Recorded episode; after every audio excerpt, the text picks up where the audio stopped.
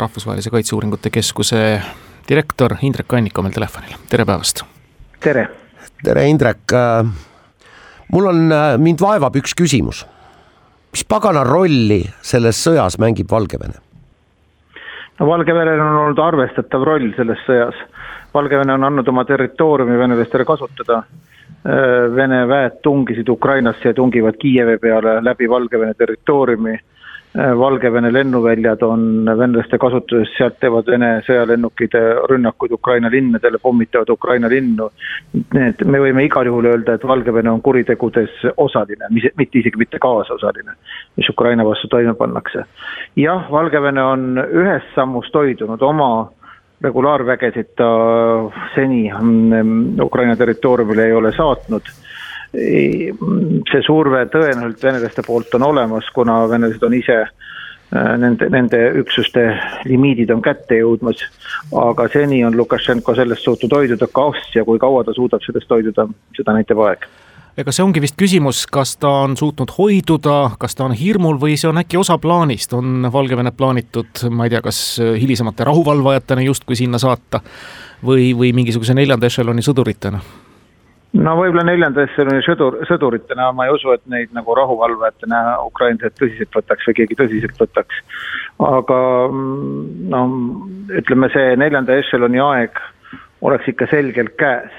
et jah, nendest on nii palju kasu jätkuvalt muidugi venelastele olnud, et Ukraina on sunnitud hoidma Lääne-Ukrainas Rivne ja Lutski linnas põhja pool ka arvestatavaid üksusi, et kui sealt peaks rünnak toimuma, ehk siis Lääne-Valgevenest Lääne-Ukrainasse Eh, siis oleks seal, kes tõrjuksid neid.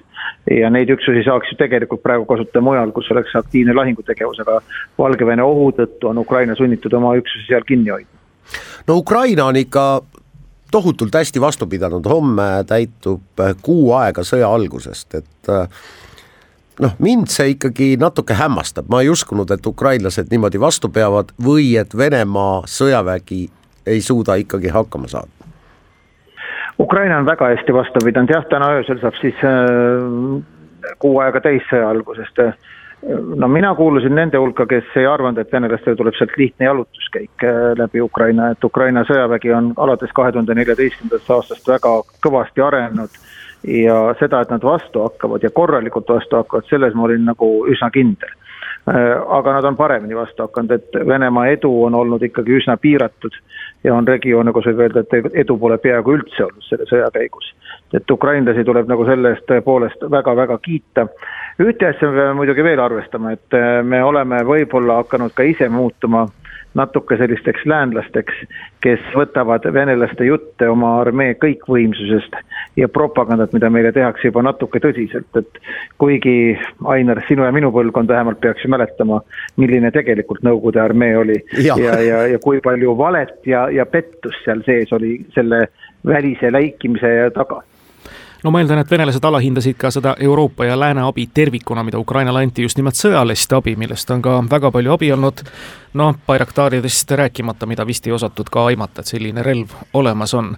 nüüd on hästi suur küsimus, mida venelased selle teadmisega ja tänase nii-öelda oma sõjanõrkusega peale hakkavad, kas jätkubki selline kaevikusõda, partisanisõda või ühel hetkel, kas, no seda ei tahaks uskuda, et Putin neelab nüüd midagi alla ja Ukraina pakutud tingimustel läheks vaherahulepet sõlmima no tänasel hetkel vahe, vaherahuleppeks äh, tingimusi selgelt ei ole. et Venemaa nõudmised on no võib-olla veidi pehmenenud sõja algusest, aga ainult veidi pehmenenud ja ja sellistel tingimustel ei ole Ukrainal ei põhjust ega ka võimalust tegelikult neid äh, tingimusi vastu võtta, Ukraina rahvas ei aktsepteeriks seda, kui poliitikud seda teeksid.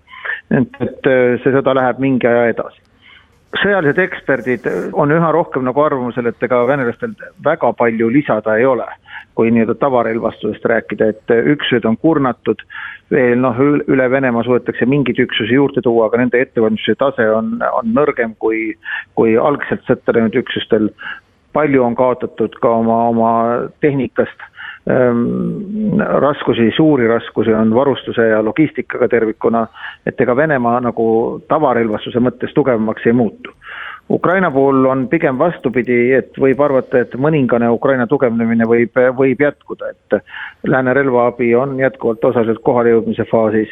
Ukraina reservistid, keda kutsuti, kutsuti mm, armeesse kohe sõja esimesest päevadest alates, on nüüdseks juba teatud korraliku ettevalmistuse saanud ja neid üksusi saab hakata rindel kasutama. ja üldiselt sõjaloogikast ründaja väsib rohkem teatud mõttes, kui ta edu ei saavuta.